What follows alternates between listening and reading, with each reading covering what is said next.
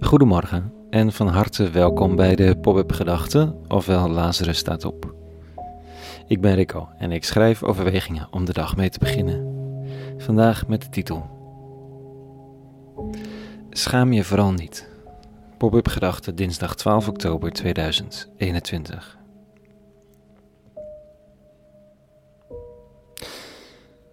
Schaam je niet, hè? Nou, vandaag vrees ik me dat ik me wel enigszins ga staan te schamen. Tijdens de manifestatie in Den Haag, die vanochtend plaatsvindt, georganiseerd door de club die zich Stop Ecocide noemt, ben ik gevraagd om vanuit kerk, geloof of theologie iets te zeggen. Ecocide is volgens de organisatie de grootschalige beschadiging, de vernietiging of het verlies van ecosystemen. Ernstige schade aan de natuur die wijdverspreid of langdurig is. Genocide, maar dan ecologisch. Kan dat niet in het wetboek van strafrecht opgenomen worden als misdaad tegen de menselijkheid, of dan uiteindelijk tegen de natuur?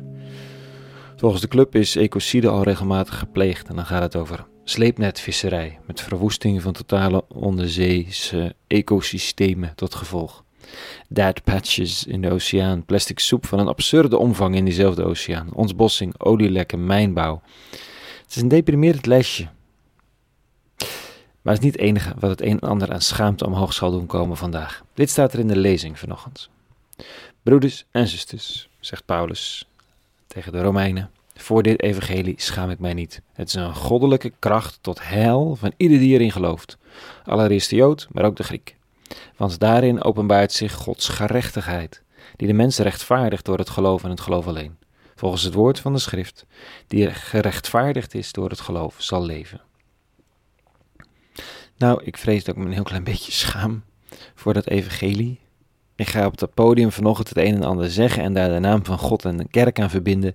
En dat zijn nou niet per se vanzelfsprekende gasten op manifestaties als deze. En met reden. Goed, ik ben dankbaar dat er een beweging is als de Groene Kerken, dat er groene theologie bestaat, dat er aandacht is voor klimaat her en der. Maar de gemeenschap van christenen of wat zegt in die traditie te staan, loopt nou niet per se voorop als het gaat om het tegengaan van ecocides of het staan voor klimaat, het tegengaan van klimaatverandering en het radicaal ingrijpen om de uitbuiting van die planeet te voorkomen. Staat er in die tekst vanochtend, geschreven door Paulus aan de Romeinen, iets over goddelijke kracht, gerechtigheid en dat je door het geloof zult leven?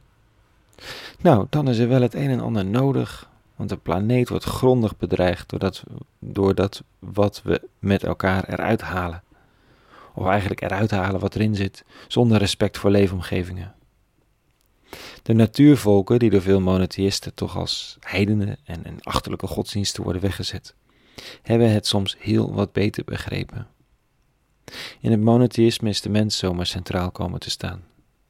Terwijl het gezien de Bijbelse teksten niet echt de bedoeling is. De mens hoort onderaan in het ecosysteem, als dienende, dragende kracht voor alles wat leeft, namens de eeuwige zelf. Misschien was de mens ergens wel het hoofd van de schepping, maar dan wel hoofd als Christus, die zijn leven geeft om het te redden. Nou, laten we even bij de natuuractivisten vragen hoe dat werkt. Je leven geven om de planeet te redden. Die weet wel hoe dat moet. Dat is een beetje extreem gesteld, maar het is allemaal niet zo ver verwijderd van de joods-christelijke teksten als we denken.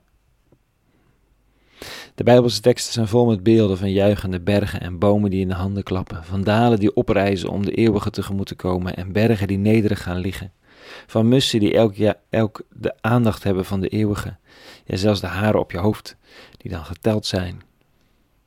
En het land moest elke zeven jaar braak liggen, een jaar lang, en dan mocht je eten van wat er opkwam omdat de aarde ook leeft en geeft als jij het niet omploegt, volzaait en oogst. Dat moesten ze elke zeven jaar weer grondig beseffen. Niet jij creëert een leefbare aarde. Je leeft omdat de aarde leven geeft. Zo is ze gemaakt. Ik ga me een beetje schamen. Heilzaam schamen, hoop ik. Niet voor het evangelie zelf, toch? Wel voor de staat van dienst van kerk en geloof. En vooral voor de staat van de zorg voor de wereld die we geacht worden te verzorgen met heilig ontzag. Maar goed, volgens diezelfde tekst is het nooit te laat om de draai te maken, mentaal, praktisch, geestelijk. Dus ik ga mezelf straks vanochtend in Den Haag herinneren aan de noodzaak en de verbinding met de joods-christelijke traditie. Hopelijk draagt het iets bij. Tot zover de pop-up gedachten vanochtend. Een hele goede dinsdag gewenst vandaag. En in alles vrede en alle goeds.